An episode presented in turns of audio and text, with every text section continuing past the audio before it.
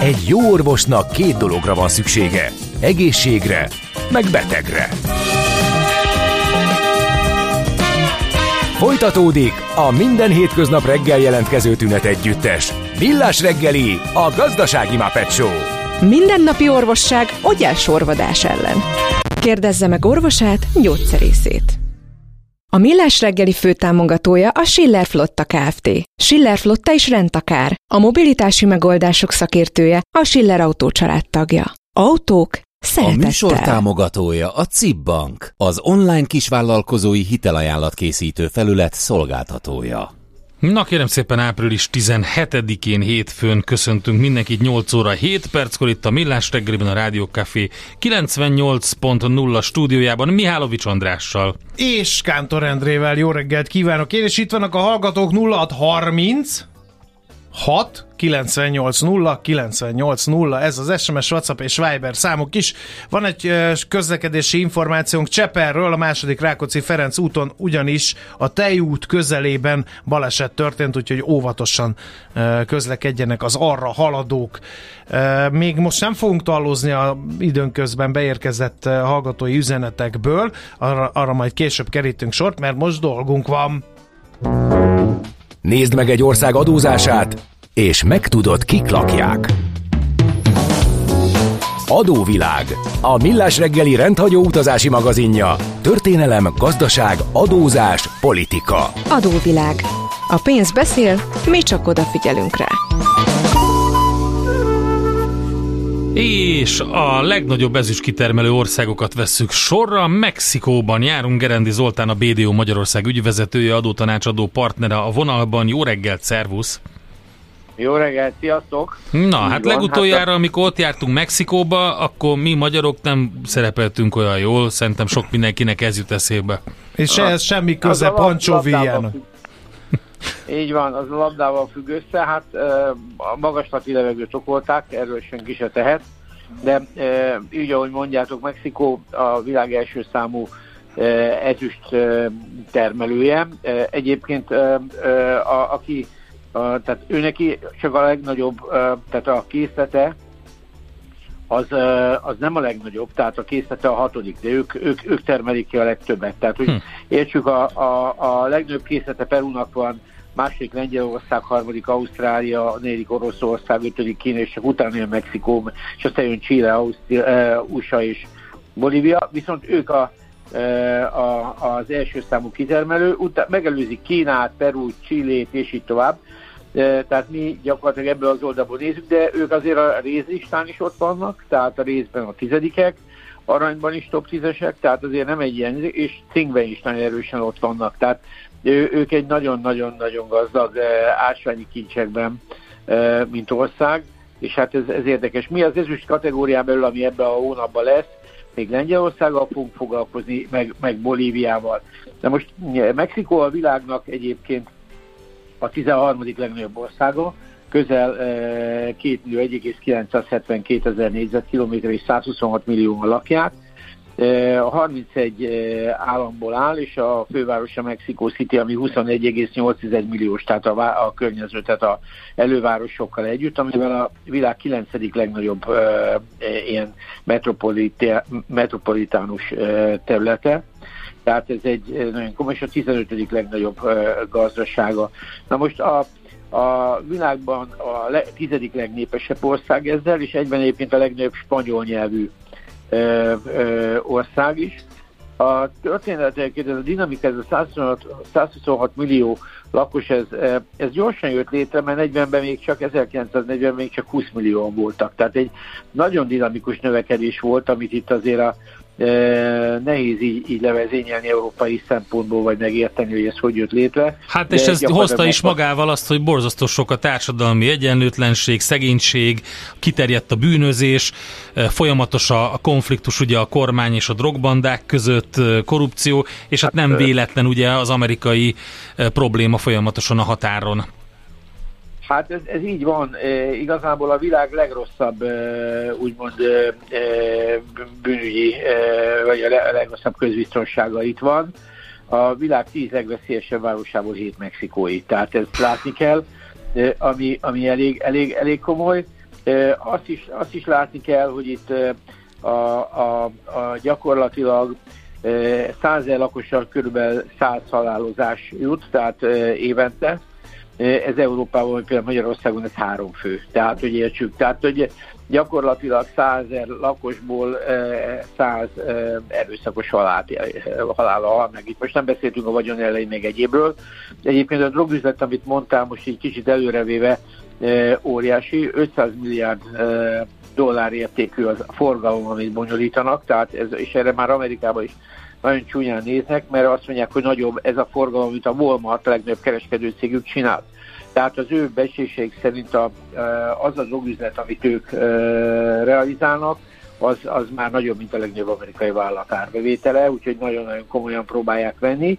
Egyébként az ópium és az opiátok az, amit ők hát gyakorlatilag termelnek, tehát ők nem csak kereskednek, ők maguk termelők uh-huh. is. Igen, ugye az a, igen, a, a drogüzletben ugye az a, az egyik legnagyobb, hogy a Dél-Amerika más országaiból egy tranzitország a különböző kokain származékoknak, és egyébként pedig ópium termelők is. Így van, így van, és ami érdekes, hogy azt mondják, hogy a világ, tehát az ópium termelésének 95%-át három ország adja, Mexikó, Afganisztán és Myanmar. Tehát hm. gyakorlatilag azt mondják, hogy ez a három, itt egyébként komoly gyanú van, hogy összefognak-e ezek a bandák, a tálibokkal például összefognak-e. Sok esély nem látszik rá, de azért az látszik, hogy ezek a, e, ezeknek a termékeknek is megvan az a fajta disztribúciója, és e, míg a tálibok nem exportálnak e, az USA-ba, valószínűleg ők is a mexikóiak se tolják tele Ázsiát a mexikói ópiummal. Szóval minden esetre a DEA-nak, ennek a amerikai Drug Enforcement Administration-nek egyik legnagyobb kartellejében van a baja, ez a Sinaloával, ami hát egy nagyon komoly probléma, úgyhogy, úgyhogy ez egy ilyen nehéz ügy. Na mindegy, szóval a dolog... Még jó, hogy az ezüst kitermelésről beszélgetünk, és Endrével már hosszú percek óta a drog De azért, Hát azért, mert látni kell, hogy egy ilyen ország, ami a legnagyobb kitermelő, egyébként a gazdasága, az mi, mire épül. Úgyhogy ez egy nagyon fontos adat volt a Walmartos adat, szerintem. Abszolút, abszolút. Szerintem kicsúszott a kézből, és hát ahogy látjuk közbiztonságban mindenbe, ott van, és egyébként itt jön be az, amit mondtatok a focistáknak is kárt tett. Hát a, ez az ópiumnak, hogy a már termelésnek kifejezetten előnyös ez a magasság, mert az ország, ugye a mexikói felség az 2000 méter fölött van. Na most a, a, a történelme az egyébként nagyon érdekes, mert időszámítás előtt már 8000-ben lakott terület volt, és hát gyakorlatilag az utolsó birodalom az az azték birodalom volt, indiánok, tehát indiánok akták ezt, és ott ilyen különböző birodalmak jöttek létre. Ennek az utolsó volt az aztékok, akik a csúcskorszakában érkeztek a spanyolok 1521-ben, és ez az a, a gyakorlatilag egy olyan időszak, amikor hát e, e, ilyen szempontból a, a Cortez ugye legyőzi az, az azték, azték birodalmat, ennek van egy, egy, egy elég haladós története, hogy e, hogyan és mind, majdnem ugye pár száz fővel foglalták el, de hát ez egy, ez egy őrület volt. Nekik egyébként a, a történet háttere, hogy ők előre a fehér embert valahogy keletről várták, és valami pozitív istenséget. Hát persze, tették. igen, igen, igen, ez egy igen, sajnálatos, sajnálatos, és amivel a szakállas fehér ember ugye megérkezett, és ez pontosan az eredet mituszaikban benne volt. Úgyhogy igen. teljesen félreértették a közeledési szándékot. Abszolút, szóval ez egy, ez egy elég halandos történet volt. A spanyol hódítások döntően tehát így sikeresek voltak, 300 évig gyakorlatilag közvetlen spanyol gyarmat volt, az ezüstre ugyanúgy épült is az aranyra, tehát a, a, amíg mondjuk a, a, a, a nyugati, tehát az európai országok azok a, a fűszerekért indultak keletre, a spanyolok ezt leegyszerűsítették, mert ők gyakorlatilag e, zsákolták az aranyat és az ezüstöt e, Dél-Amerikából, illetve Közép-Amerikából. Tehát gyakorlatilag a spanyol birodalmi e, bevételek ezekből származtak. Egyébként Foncit állítólag a, ebben a e, meghódítási szakaszban is rengeteg kincs elveszett, mert időjárási, meg mindenféle problémával. De a lényeg az, hogy a spanyolok ezeket a gyarmatokat erre tartották. 1821-ben váltak függetleneké, aztán utána az ezt következő hát mai napig nézve 200 év nagyon kalandos volt, ennek például része, amikor 1867-ben a Habsburg Miksát, Miksát Micsát kivégzik. Igen, Tehát, és az örökösödési háború kapcsán ugye mi, mi is belekeveredtünk ebbe az egész sztoriba, és akkor volt az Alamo, ugye András? A nagy alamói ütközet bizony. Hát, annak, annak, nem, annak, nem annak akartam része. se Pancho Villát, se Hernán Cortez, se Alamót szóba hozni, is behoztuk el, nem ide akarom most elve, már. Nem akarom elvenni a Zoli kenyerét, úgyhogy erőszakkal hallgattatom el magam. Én örülök, ha, ha, ha hozzáteszek. Úgyhogy a dolognak annyi, annyi a lényege, hogy, hogy 1920-tól jön létre egy, egy konszolidáció, egy ilyen kvázi egypártrendszer, ezt a, forradalmi párt, ez a PRI, majd Boton fog erről beszélni, akik 2000-ben elvesztik a választást. Addigra az ország egyébként eléggé lezutyant, de, ettől függetlenül az ország pont a lakosságával, meg mindennel együtt az erőforrásaival óriási kincset jelent.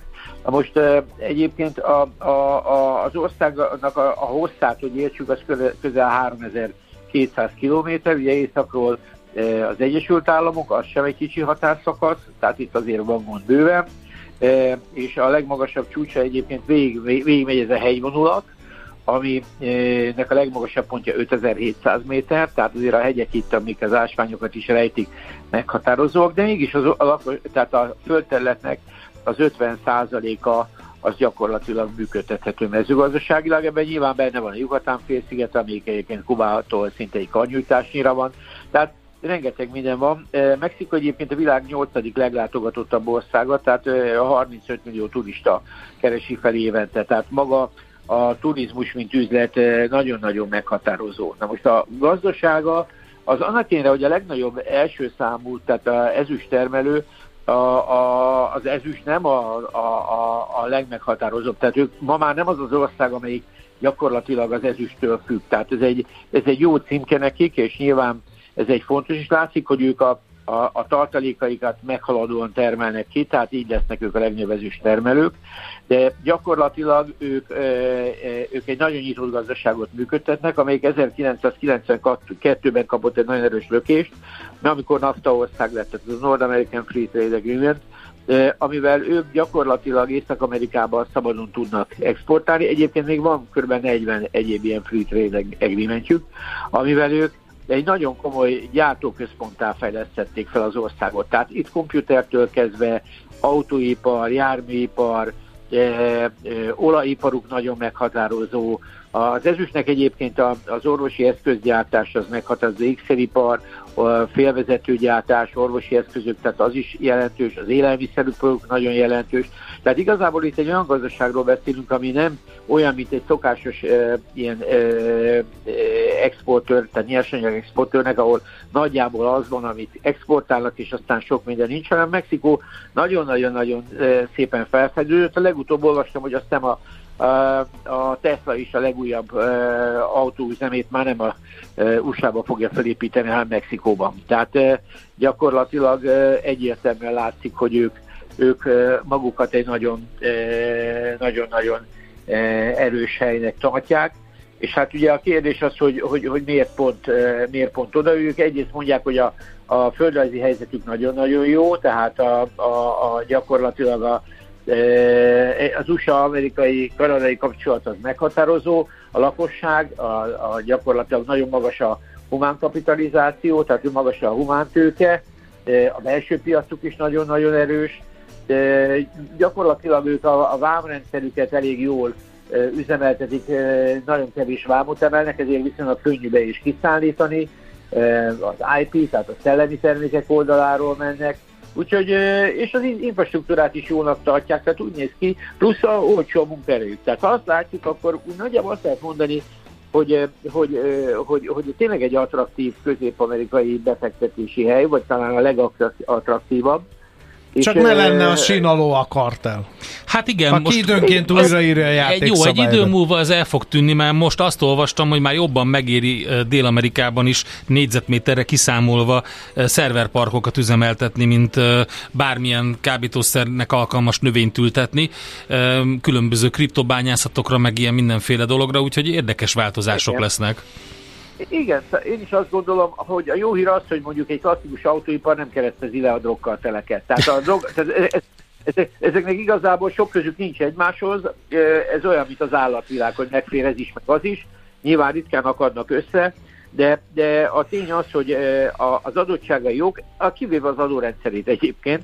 Na, mert a, hogy, az, hogy? Az adórendszere az, az elég elmaradt, tehát az azt mondják, az mindenféle szempontból adóreformra szorul. Jó lehet, egyébként az átlagos adóterhelésük az alacsony, tehát az OECD átlag az 34,1, a mexikói textu GDP aránya 16,7, ami, ami, ami egyébként tényleg nagyon alacsony, tehát a legalacsonyabb az OECD belül, és egyébként még Dél-Amerikában vagy Közép-Amerikán belül is elég, elég, elég jelentős, tehát a latin-amerikai országoknak is 21,9 az átlaga, őnáluk 17,9, tehát ilyen Bahamákkal egy szinten mozog nagyjából, Peru, Peru, Peru Panama, Paraguay, meg, meg ilyen, ilyen, ilyenek vannak még alatta, a legalacsonyabb az Guatemala 12-vel, de hát ugye Mexikó egy hatalmas ország, szóval azért ez a ez a rány. Viszont úgy néz ki, a költségvetésük nem nagyon szállt el, tehát úgy néz ki, hogy az adósságuk az ilyen még mindig 50% körül van. Volt azért itt is kimentés, az egyfőre jutó GDP-jük is egyébként 19 eh, ezer dollár, tehát ami azért egy elég szép,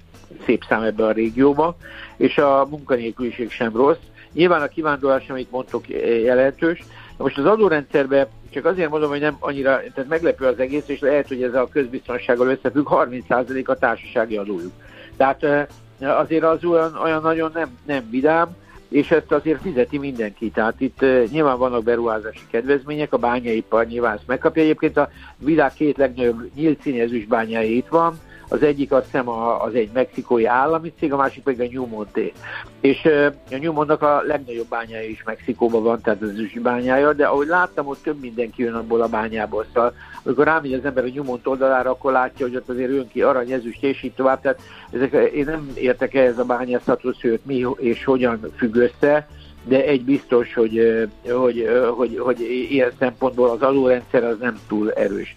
De a, a, a, úgy látom, hogy a, a központi állami adórendszerük van, tehát hiába áll 31 államból, meg Mexico Cityből, az egész, nincsenek viszont helyi adóik, és tehát ilyen szempontból egyszerű a dolog, de úgy tűnik, hogy még mindig tényleg túl kevés a költségvetési bevétel, viszont az SZIA-juk meg progresszív és 35%-ig megy föl. Tehát gyakorlatilag azt mondani, hogy, hogy olyan, tehát úgy tűnik, hogy az ország nem az adórendszerével vonza be e, ezeket a befektetéseket.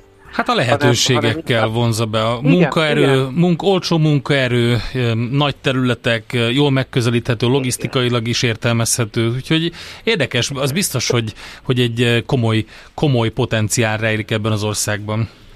Nagyon, nagyon, igen, én is ezt gondolom, hogy szóval nagyon érdekes ország, nagyon összetett, nagyon dióhéva vettük a történelmét, de egy biztos, hogy ők nem tipikusan azok a nyersanyag exportőrök, akiknek az egész léte erre a uh-huh. nyersanyagra épül, mint ahogy láttuk, hanem egy nagyon-nagyon vegyes színes gazdaság, és egyébként nagyon szép potenciállal, tehát e, ennyi a, amit okay. a érdemes meg. Nagyon szépen köszönjük az összefoglalót, Zoli. Szép napot neked, jó munkát. Köszönjük nektek is, sziasztok. Gerendi Zoltánnal, a BDO Magyarország ügyvezetőjével, adótanácsadó partnerével beszéltünk. A legnagyobb ezüst kitermelő országok közül Mexikót vettük sorra. Jöjjön akkor egy mexikói banda. A Molotov és a Voto Latino, utána pedig rövid hírek következnek, és jövünk vissza. Tartsatok továbbra is velünk kitartóan. Okos telefon, okos óra, ö okos utas. Kapd el a következő járatot, és utazz okosan!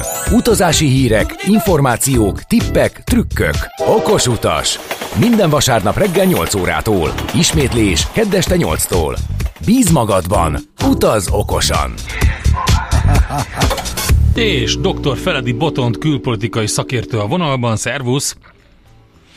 Itt van. Jó reggelt kívánok! Na, hát Mexikó, Mexikóba járunk. Hát nyilván te is a drogkartelek ellen vívott amerikai és mexikói háborúval fogod uralni a rovatot, de lehet, hogy tévedek.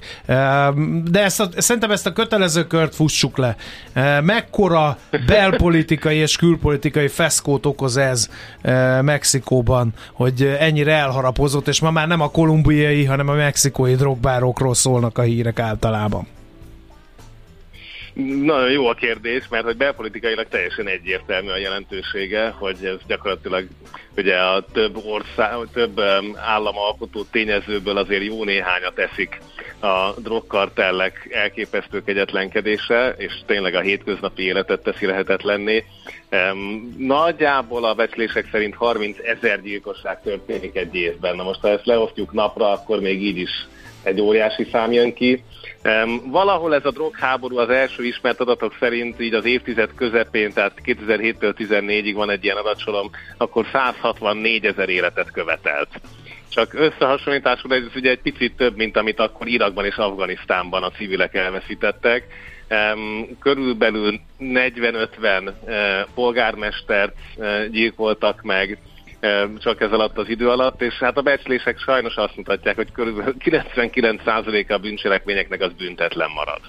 Uh-huh. Tehát ez a, ez a társadalmi alaphangulat, és ugye 2018-ban így választják meg uh, Obradort, uh, aki tulajdonképpen szoktak mexikói Trumpnak emlegetni, populista elemeket fel lehet fedezni valóban mind a kettőnél, uh, de Obrador egyébként alapvetően a bal szélről jött, vagy hát ha úgy tetszik, akkor inkább a munkásosztály felé való összekacsintással igyekezett a mexikói polgármesteri székből átutani az elnöki székbe, egyébként sikeresen.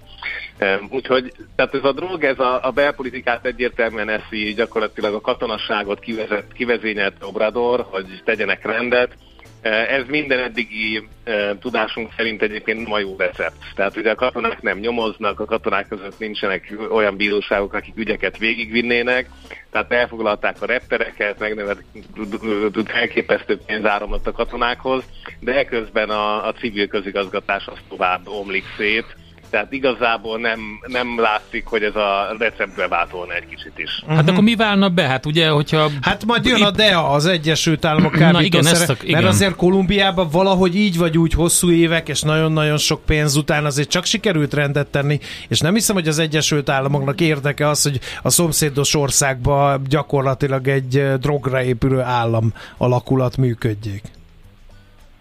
Abszolút nem, hát ugye ahhoz egy picit hosszú a határ, hogy ez annyira egyszerű legyen, illetve a DEA-val pont Obrador igyekezett egy picit mondjuk úgy, hogy visszavenni a kapcsolatok erejéből, tehát hogy a saját hatáskörébe tudja ezeket tartani. Eközben egyébként az Amerikát gyötrő fentanil, tehát ez a kvázi fájdalomcsillapító mint droghasználat történet is átért Mexikóba, és most már itt vannak a laborok az északi részen, és innen csempésznek át teljesen ellenőrizhetetlen fájdalomcsillapító jelleggel árult drogokat. És megjelentek egyébként egyes sajtóhírek szerint a kínaiak az illegális területen is Mexikóban, tehát lehet, hogy itt már néhány év múlva már nagyhatalmi harcról beszélünk a mexikói undergroundban. Tulajdonképpen jogos lenne, tehát hogyha mi lennénk a kínai kémfőnökök, akkor ez egy tökéletes terepe az aktív intézkedéseknek. Uh-huh. Hát ez, a, ez az egyik része ennek a, a dolognak. A, a másik viszont az, hogy ugye annyira közel van az Egyesült Államokhoz, és ahol látszik az amerikai befolyás, hogy például a kínaiakkal nincsenek igazán közeli viszonyban. Tehát annak ellenére, hogy fontos ország, annak ellenére, hogy a második legnagyobb kereskedelmi partner, egyébként messze-messze lemaradva itt az Egyesült Államok mögött érthető módon, de, de Kína nem tudta berángatni őket az egy út egy övezetbe, nem tudta berángatni a fejlesztési bankjába, tehát ez, ez a kapcsolat még messze-messze gyengébb. Xi Jinping egyébként csak a legelső ciklusának első évében, 13-ban volt itt, azóta nem is látogatott el ide, Obrador se járt Pekingbe, tehát ebből a szempontból elég ügyesen tartják az amerikai ellátási láncokban Mexikót, és ez is a cél. Tehát kifejezetten ez látszik, hogy a chipgyártást is elkezdték részben még a régebbi generációs csipeket ide kiszervezni, de van néhány város, ahol kifejezetten a startup, unicorn és többi hangulat uralkodik, e, és itt akár az Internek is találunk egy több ezres e, kutatóközpontját, itt megtaláljuk azt, hogy a, a tajvani TSCM hogyan, a Foxconn hogyan próbál lábat vetni. E, tehát egy nagyon komoly, mondjuk úgy, hogy IT kitörés zajlik a magas sebességében és módján, de évi 85 ezer, és ezt aláhúznám, kétszer bekarikáznám, évi 85 ezer IT végzős szakemberrel. Azt akarom így, így még megkér, megkérdezni, hogy az, hogy közben meg a közbiztonság olyan, amilyen, ez nem gátolhatja ezt a fajta gazdasági együttműködést az Egyesült Államokkal? Mert ha most azon gondolkodom, hogy ki az a top menedzser, aki lemegy Mexikóba a családjával együtt, hogy ott felépítse mondjuk egy Tesla vagy egy vagy egy chipgyárat, hát ez nem, miközben azt hallja, meg azt látja, hogy minden túral a kábítószer és a bandákkal a hadsereg háborúzik, az, az, az nem tudom, hogy mennyire dönt úgy, hogy akkor irány Mexikó, és akkor ott majd én fogok dolgozni, meg élni. De, tehát alapvetően ez, a, ez az egyik gond, igazából már ott gond, hogy, hogy komolyabb ingatlan beruházók se szívesen mennek oda, tehát eleve azoknak, akik áttelepülnének az Egyesült Államokból, azoknak nehezebb dolga van. Ennek ellenére a helyi fiataloknak ez még egy kitörési lehetőség. Tehát igazából azt kell látni, hogy ez most elsősorban a, tehát azért nem egységesen sújtott a bűnözéssel, vannak nagyon-nagyon rossz területek és kevésbé rosszak, e, és ezeken a kevésbé rossz helyeken igyekeznek egyébként tipikusan polgári, polgárőrséggel, a, a önkormányzatokkal, rendőrséggel és mindenféle más kiegészítő szervezettel, tulajdonképpen polgári besugóhálózatokkal is, ha úgy tetszik, városi szinteken rendet teremteni. Erre volt már sikeres példa is. Tehát nem reménytelen a dolog, és annyi fiatal végez egyébként relatív jó tudással, nagyon alacsony fizetési igénye, hogy őket itt el tudják dolgoztatni, és aztán beutazni egy hétre be lehet. Az, hogy valaki itt akar élni, az egy másik kérdés, ebben teljesen uh-huh. igazatok van, ezt kell átfordítani, Hát még itt az IT fővárosban is egyébként eh, nem olyan régen, tavaly májusban talán eh, egy katonai helikoptert eh, egy váról indítható rakétával szedett le a maffia, és hát azért a környéken vannak ilyen narkó út ellenőrző állomások, ahol néha buszokat is eltérik, vagy hát elrabolnak és válságdíjat követelnek. Tehát itt azért tényleg nagyon más az erőszak szintje, ez a 30 ezeres számból is látszik, Mondjuk pont az USA-ban egyébként azért a gyilkosságokról szintén lehetne szót ejteni, de, de nyilván az egy teljesen másik eh, légkör, hiszen Igen, még egy, eh, még egy nagyon fontos eh, kérdéskört azért beszéljünk végig, még ez pedig az, hogy ilyen nagyobb amerikai együttműködésben mekkora szerepük van a mexikóiaknak. Tehát, hogy ilyen amerikai szabadkereskedelmi övezetben gondolkodnak-e ők ilyen motorként, vagy nem is tudom, hogy fogalmazza.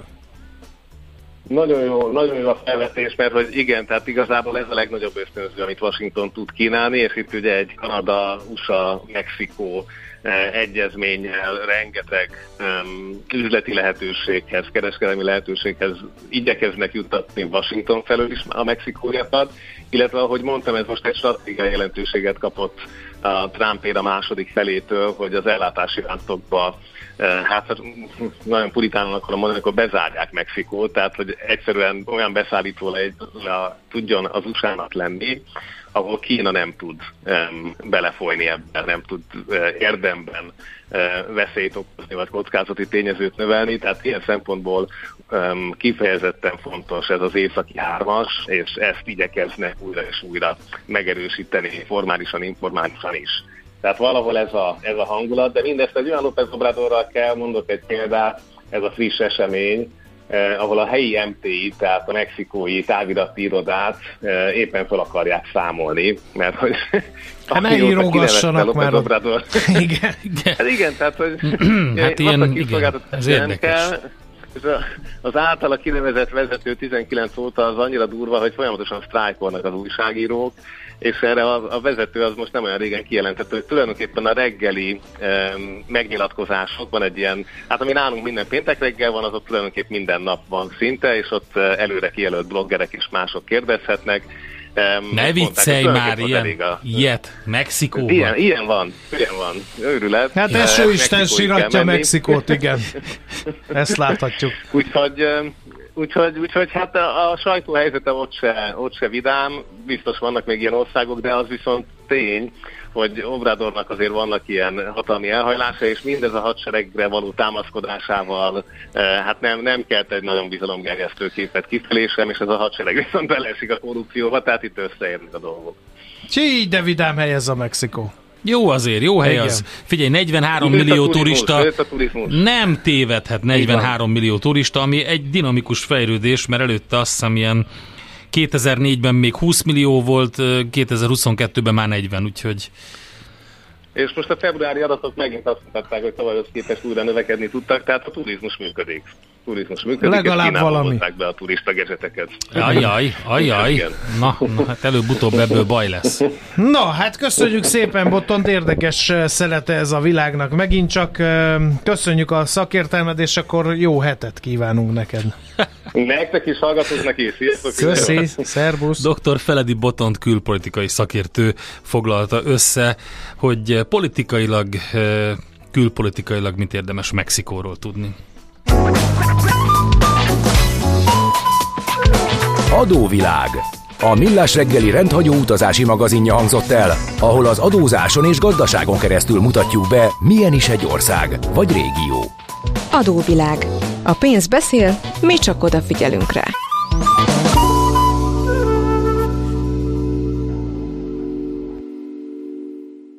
Jé, hát ez meg micsoda? Csak nem. De, egy aranyköpés. Napi bölcsesség a Millás reggeliben.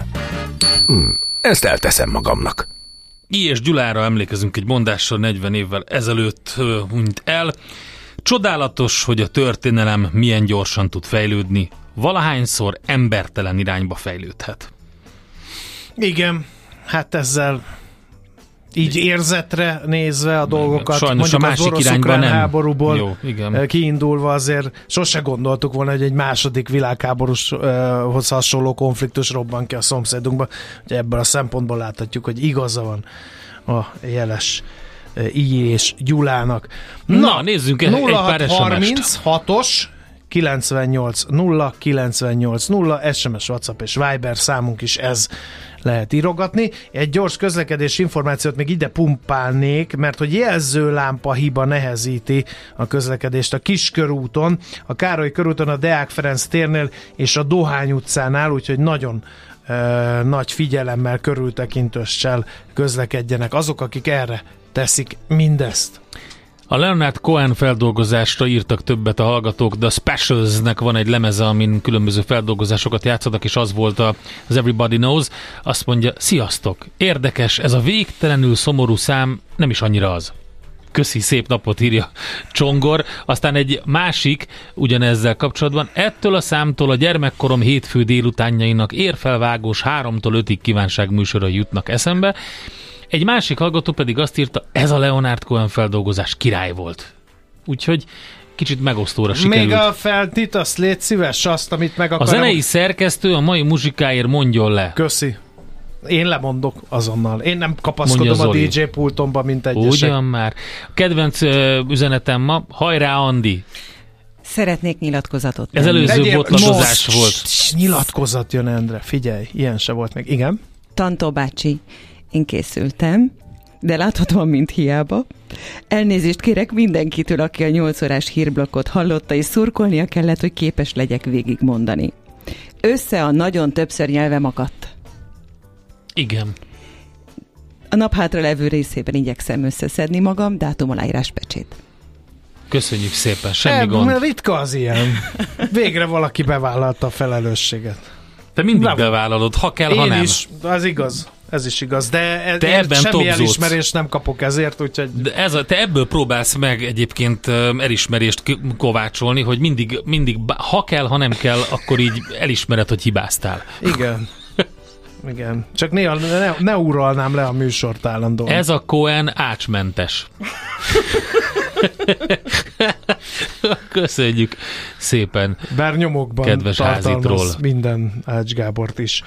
Na, szóval, hogy jön majd a Mijálovics gazda, valaki követelt, hogy beszéljek az ukrán gabonáról, de mindent elmondtál. Az egyik hallgató meg rám írt, hogy akkor más agrártermékekre is vonatkozik, de nem figyeltem a híreidnél. Olajos magvak, meg ilyesmi, de az egyébben nagyon sok minden belefér. Hát ezért, mert hogy onnan mást is hoz be Ukrajnából, és nem tudja, hogy hol lehet ennek utána De itt nézni. az örökösödési háborúra jött. Ne feledjétek Alamót. Hogy hívnak? Sir Frederick Forsyth. Furcsa név egy indiánnak. Köszönjük ezt is. Igen, nagyon jó formát mennek a hallgatók. Na, hadd mondjon híreket ez a jány, Hadd. aztán jövünk tovább. Miálovics gazda rovatunkban, azonban nem az ukrán gabona lesz a téma, hanem hogy mi az majd meglepetés lesz és kész. Tartsatok továbbra is velünk, szerintem minden másodperce arany ennek a műsornak, legalábbis szerintünk.